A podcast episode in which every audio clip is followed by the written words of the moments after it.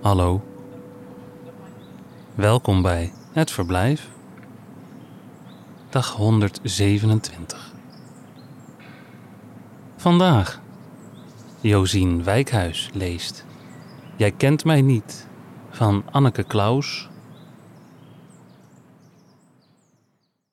Tijdens het regenseizoen gaan er jaarlijks talloze brieven verloren.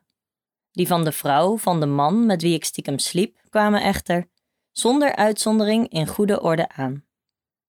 Ik was vroeger ook mooi, schreef ze. Dat gaat allemaal over. En beloof me één ding: breek hem niet. Het witte, lillende vlees van Rubens. Dat had ik de tekenlerares een keer horen zeggen. Ik schreef natuurlijk nooit terug. Het was onvermijdelijk. Na verloop van tijd hield ik meer van de vrouw van de man dan van de man zelf. Kwam iemand me maar wakker maken, probeerde ik nog. Die iemand kwam natuurlijk niet. Je wordt groot, je kiest er zelf voor, ook je ouders gaan een keer dood. Ik stel me voor hoe de psychiater zijn gezicht strak in de plooi houdt terwijl hij Stockholm-syndroom noteert. Verschijnsel dat soms optreedt na een gijzeling, hoofdstad van Zweden, redactie. Nee, nee.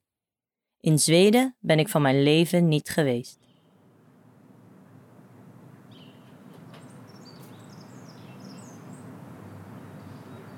Het Verblijf is een initiatief van Mark van Oostendorp. Redactie: Johan Oosterman, Iris van Erven, Jaap de Jong en Lot Broos. Ik ben Michiel van der Weerthof en wens je een aangenaam verblijf.